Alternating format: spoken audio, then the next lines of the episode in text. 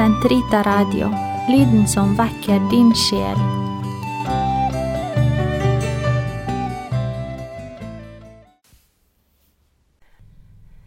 Karmels hage sesong to Maria Mai måned er for den katolske kirke Maria-måned. Mange kirker har egne Maria-andakter, og i Karmel Totus Tohus i Tromsø har man daglige Maria-andakter. Det er vakkert å takke Marie for alt hun har gjort for oss, hun som sa ja til å bære, føde og elske Guds sønn, Jesus, som skulle bli så brutalt revet fra henne, men som ved dette også skulle frelse hele verden til evig tid. I fem programmer fremover vil jeg ta dere med på meditasjoner over Jomfru Marias rolle i våre liv og i kirken. Utgangspunktet er et kapittel av kardinal Anders Aborelius i hans bok Trosmeditasjoner. Det er altså kapittelet om Maria. Det er oversatt til norsk av nonnene i Karmelittklosteret i Tortus i Tromsø, og har vært trykket i sin helhet over flere numre av sekularkarmelittenes tidsskrift ved Elias Kilde. Om du ikke er katolikk og hører på disse programmene av Karmels hage, håper jeg at de kan være til hjelp med å øke din takknemlighet til henne og lære henne å kjenne, slik at også du kan elske henne. Jesus elsket sin mor så høyt at han ga henne til Johannes for at han skulle ta seg av henne da han hang på korset. Han ga Johannes Maria til mor, så han kunne fortsette å utvikle seg til den store kjærlighetens apostel. Og er det noe du ikke kan akseptere eller ikke kan forstå når du hører dette, la det ligge, gjem det i ditt hjerte, slik Maria gjorde når hun ikke forsto. Herren selv skal opplyse deg. Vi begynner nå å lese Kvinnen, Jomfru Maria, av biskop Anders Arborelius, OCD. I et enkelt lem har de hellige samfunn fått et fullstendig uttrykk. Kirkens fulle natur er blitt inkarnert i ett av dens barn.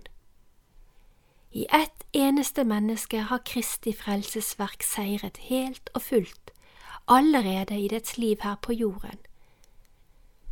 Stille takknemlighet over dette enestående hadde kanskje vært å foretrekke, men allikevel må vi snakke høyt og tydelig, men likevel diskré, om denne kvinnen som oppfylte Guds drøm om hva menneskene burde være. I Jomfru Maria ser vi samtidig hvordan menneskets drøm om å bli det som det innerst inne ønsker å være, går i oppfyllelse.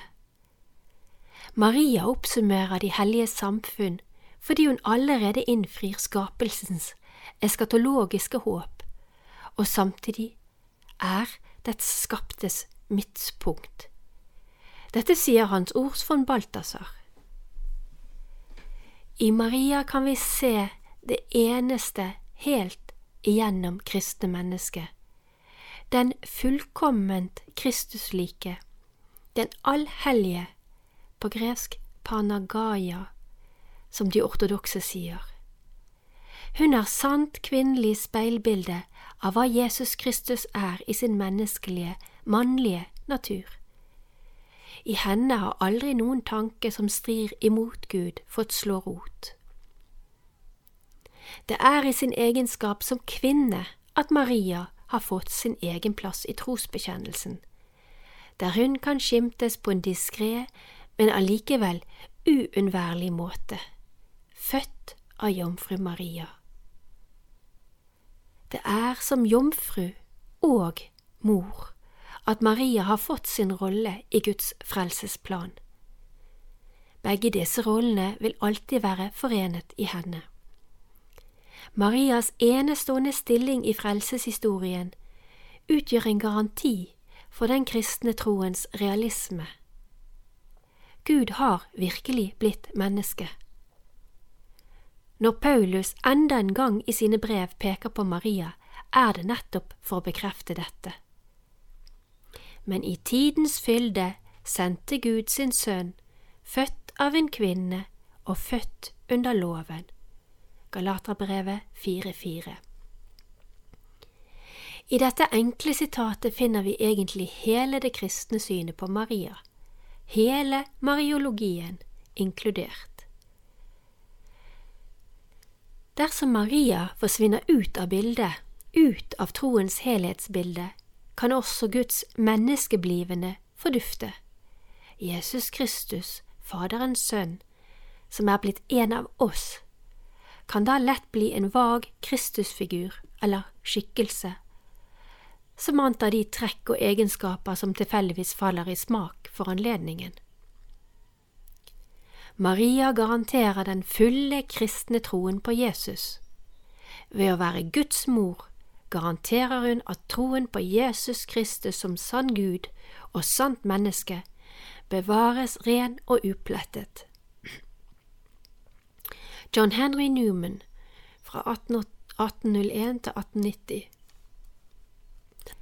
sier derfor at de folk og land som har mistet troen på Kristi guddom, er de samme som har unnlatt å ære Hans mor. Samtidig er Maria, slik Paulus antyder, et av de viktigste båndene til Israel. Andreas av Kreta, død ca. 740, ser henne som formidleren mellom loven og nåden, og Gregor den store kaller henne den personifiserte synagogen. I den fromme jødinnen Maria, som samtidig er det eneste fullkomne kristne mennesket, ser kirkefedrene hvordan de gammeltestamentlige profetiene blir til virkelighet. Hun er derfor både profet og Israels skytshelgen, vår frue av Sion. Ved sin blotte eksistens illustrerer hun på en profetisk måte hvordan Det gamle testamentet smertefritt går over i det nye. I seg selv sammenfatter hun hele Israels tro, samtidig som hun inkarnerer hele kirkens tro. Og det er ingen tilfeldighet at hun nettopp er kvinne. Når Gud blir menneske i Jesus Kristus, blir han mann. Men han ville trekke inn alle mennesker, både menn og kvinner, i sitt frelsesmysterium. Derfor må en kvinne være med helt fra begynnelsen og stå ved hans side. Derfor ble Maria den menneskeblitte Guds eneste menneskelige forelder. Uten Maria hadde den nye skapelsen ikke vært fullstendig. Hun står alltid som garantist for den kristne helheten. Og, inn, og der inngår også den menneskelige helheten, altså både den mannlige og den kvinnelige. Maria garanterer at det kvinnelige aspektet og den menneskelige naturen trekkes inn i Kristusmysteriet på en håndfast og synlig måte. I den nye skapelsen står Maria alltid ved Jesus side, liksom Eva sto ved Adams side i den første skapelsen. All senere mariafromhet og teologi er grunnet på det faktum at det i Det gamle testamentet finnes en dypt forankret teologi om kvinnen, skriver kardinal Ratzinger. Like lite som vi kan forstå Jesus fullt og helt, i den grad vi i det hele tatt kan forstå hans mysterium med vår begrensede forstand, uten den gammeltestamentlige bakgrunnen, like lite kan vi forstå Maria uten den. Jesus får Jave som åpenbarte seg på en dunkel måte for Israel, et menneskelig ansikt. I Maria forenes hele Israels tro på den sanne Gud. Hun er datteren Sion, Jesajas 1,8 til 62,11. Zakaria 9,9. Hun er jomfruen Israel, Jeremias 31,4. Hun er Herrens trolovede. Hosea 2, 19–20. Hun er bruden i høysangen, hvis tro og kjærlighet er ukuelig. I Maria får den gammeltestamentlige representasjonstanken sitt høyeste uttrykk. Hun representerer hele Israel. I ett eneste lem blir hele folkets tro fullkommen. Liksom Abrahams tro, jf. Romane 4.1-3, fikk betydning for hele Guds folk, bærer Marias tro frukt i hele det nye Guds folk. I Maria blir Israel kirke. Samtidig som Marias person er unik, er hennes rolle og betydning universell. Det er ikke bare Israel og kirken som kan kjenne seg igjen i henne. Det er ikke bare alle kvinner som i henne ser sin søster. Det er hvert menneske som i henne kan se det hun er ment å være. Det uskyldige barnet som alltid får leke for Guds ansikt. Ordspråkene 830 Uten Maria vil den kristne troen være i alvorlig fare. Den ødelegges og kan miste sin menneskelige varme og harmoni ved at det kvinnelige og det mannlige ikke blir forsonet. Uten Maria kan det bli en barsk, brysk og mannhaftig kristendom. Uten Maria risikerer Gud å bli en abstraksjon, troen en ideologi og kirken et byråkrati. I Maria ser vi hvordan det kvinnelige integreres og får en uerstattelig rolle i den nye skapelsen. Apologeten Justinius, død 163, talte allerede om Maria som den nye Eva. Kristus, den nye Adam, vil alltid være vår eneste frelser, men han har alltid Maria, den helt gjennom frelste, ved sin side som en illustrasjon på frelsens fruktbarhet og effektivitet. Liksom det i den første skapelsen fantes både en mann og en kvinne, er det det også i den nye skapelsen, men på en måte som ikke kan sammenlignes i sin herlighet.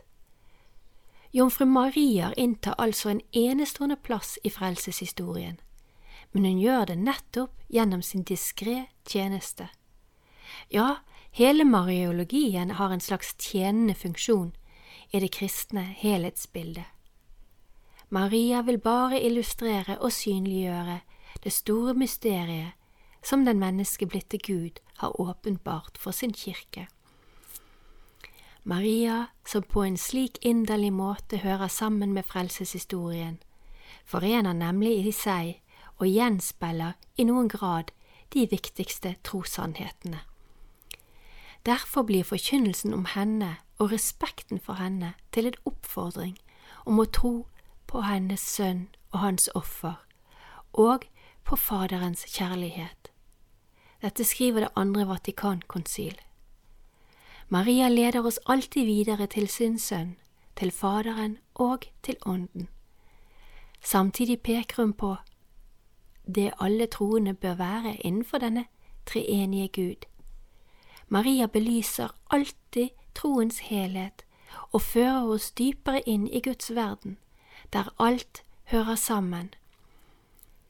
Nettopp derfor er hun en levende illustrasjon av menneskets høyeste verdighet og en unik virkeliggjøring av Guds drøm om mennesket. Det profetiske tegnet som denne kvinnen er, se Åpenbaringen 12.1, utgjorde et universelt håp for alle mennesker Derfor har man alltid betraktet Maria som håpets mor og tatt tilflukt i hennes hjelp og forbønn. Vi fortsetter med å lese fra trosmysteriene i neste program av Elias Kilde. Vi avslutter i dag med en liten betraktning om Maria som barmhjertighetens mor og hennes misjon. Det ble oversatt av karmelittnonnene i klosteret i Totus i forbindelse med Barmhjertighetens år i 2016. Vi tar det med på slutten fordi det er så viktig å tenke gjennom hvordan hun kan påvirke og lede oss inn i et stadig dypere trosliv, som skal bære frukter i verden. I encyklikaen Dives Misericordia nummer ni legger Hellige Johannes Paul 2. frem tre forklaringer på hvorfor Maria er barmhjertighetens mor. 1. Hun har selv fått barmhjertighet i overflod. 2. Hun tok del i åpenbaringen av Guds barmhjertighet. Og 3. Hun fortsetter å utøve barmhjertighetens misjon. For det første, ved den uplettede unnfangelsens privilegium har Maria på en særlig og usedvanlig måte fått erfart Guds barmhjertighet. Gud utrustet henne ved en særlig nåde og ga henne en unik hellighet.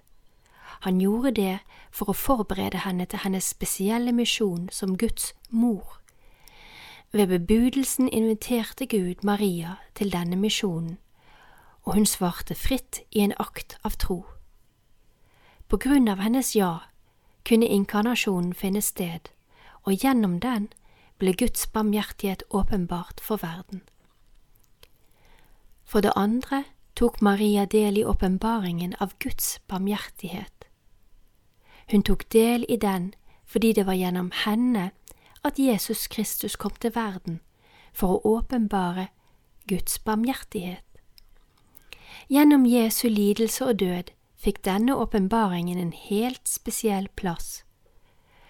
Da Maria sto ved korset på Golgata, gjorde hun med sitt eget hjertes offer det mulig selv å delta i åpenbaringen av Guds barmhjertighet. Korset viser oss Guds avgrunnsdype kjærlighet og barmhjertighet. Maria ofret sin lidelse i forening med Kristi lidelse og tok slik del i hans misjon. For det tredje, på grunn av sin deltakelse i Kristi liv og kors, ble Maria kalt på en spesiell måte til å føre menneskene nærmere den kjærligheten som Kristus kom for å åpenbare. Maria var til stede når apostlene, samlet i bønn, ventet på Den hellige ånds komme. Hun var til stede i kirkens hjerte da den begynte sin misjon, og hun fortsetter denne misjonen fra sin plass i himmelen. Hennes åndelige moderskap bevirker nådens gave for kirkens lemmer til alle tider. Med all sin velvillige, moderlige kjærlighet drar hun oss nærmere Faderens barmhjertige hjerte. Marias tittel, Barmhjertighetens mor, har dyp teologisk mening. Den uttrykker en spesiell forberedelse av hennes sjel og av hele hennes personlighet. Slik skulle hun alltid og til alle tider være i stand til å se gjennom innviklede hendelser, først i Israel, så i hvert enkelt menneske og i hele menneskeheten, og så formidle denne barmhjertigheten, som i samsvar med treenighetens evige beslutning, alle mennesker fra slekt til slekt skal ta del i. Lukas 1,50 Og vi avslutter i dag med kardinal Anders A. Borelius bønn for våre unge. Hellige Maria, Guds mor, til deg tar vi vår tilflukt i all vår nød og med alt som tynger oss. Ta deg av alle svake og små, som ikke har noen annen mor. Vern om troens gave i dem som har svak tro. Vis din moderlige beskyttelse og hjelp de unge til å bevare troens liv. Hold aldri opp å våke over dem som glir bort fra din sønn og hans kirke. Dra dem tilbake ditt, til ditt morshjerte med kjærlighetens bånd, og led dem frem til Jesu hjerte. Amen.